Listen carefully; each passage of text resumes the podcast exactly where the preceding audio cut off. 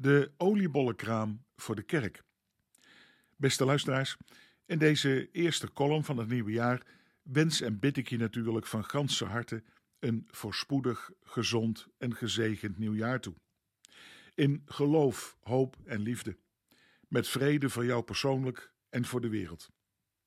In deze dagen ruimen we de kerstspullen weer op, waarbij je elk jaar maar weer hoopt dat de boodschap van vrede op aarde en van een God die behagen heeft in elk mens en ons in Jezus dichtbij gekomen is en beloofd heeft ook dichtbij te zijn in de mooie en de verdrietige dagen, dat die boodschap niet mee verhuist met de opbergdozen van Ikea naar de zolder.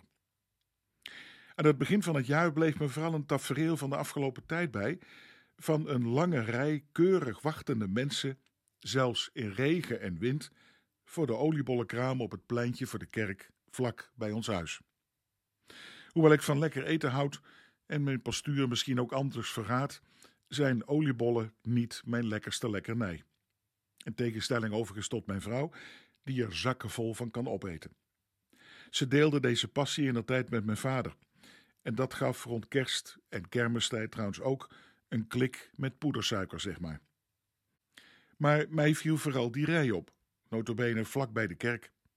En hoewel die kerk best aardig bezocht wordt, ik mocht er zelfs in de adventstijd een onderdeel van uitmaken in een mooie volkskerstzangavond, was deze rij toch echt voor de oliebollen deze keer.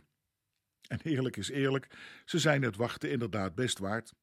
Een wachtrij voor de kerk is niet het meest geziene tafereel in onze samenleving meer. Uitzonderingen daar gelaten, zien we toch eerder een dalend kerkbezoek. De cijfers tonen het jaarlijks feilloos aan.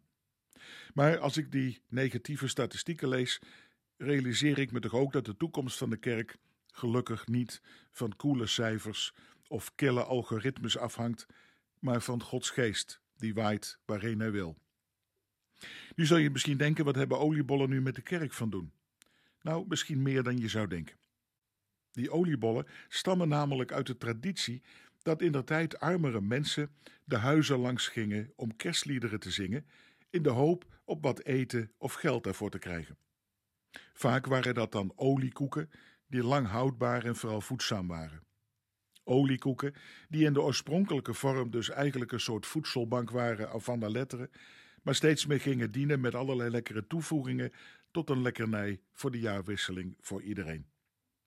Maar die lange rij voor de oliebollenkraam stond niet alleen voor de grote kerk, maar onder het beeld van Christus, die mensen, ouderen en een kind zegent.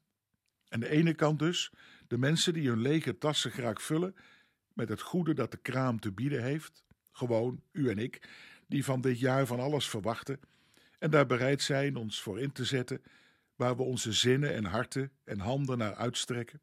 En dat is op zich natuurlijk allemaal prima. Maar daarboven stonden toch de zegenende handen van Christus, die nauwelijks opgemerkt werden. Onder op dat beeld staan woorden, mooie woorden uit het Johannesevangelie, waar Jezus zegt: Ik ben de weg, de waarheid en het leven. Niemand kan tot de Vader komen dan door mij. Woorden van een levensweg die we met Jezus zouden mogen gaan. De weg die Hij zelf ook gegaan is om ons weer in verbinding met God te brengen. Een weg die Jezus ging in liefde en barmhartigheid tot aan het kruis van Golgotha. Kort daarvoor had Jezus nog die wijfelende vragensteller Thomas, die moderne Thomas als het ware gezegd, toen hij vroeg naar de toekomst: Wees maar niet ongerust, Thomas, vertrouw op God en op mij. Een wachtrij bij een oliebollenkraam en daarbij het beeld van een zegenende Jezus. Het beeld van zowel onze uitgestrekte handen naar het leven en naar het nieuwe jaar waarvan niemand precies weet wat het brengen zal, en daarbij en daarboven de Heer die met zijn handen ons uitnodigt vooral zijn weg te gaan, in vrede en gerechtigheid. En niet van brood en oliebollen alleen wil leven, maar van zijn woorden waarin hij belooft ons dagelijks nabij te zijn. Elke dag van dit jaar, dat ook in 2023 nog steeds Anno Domini is, het jaar van onze Heer, en vertrouw daar maar op.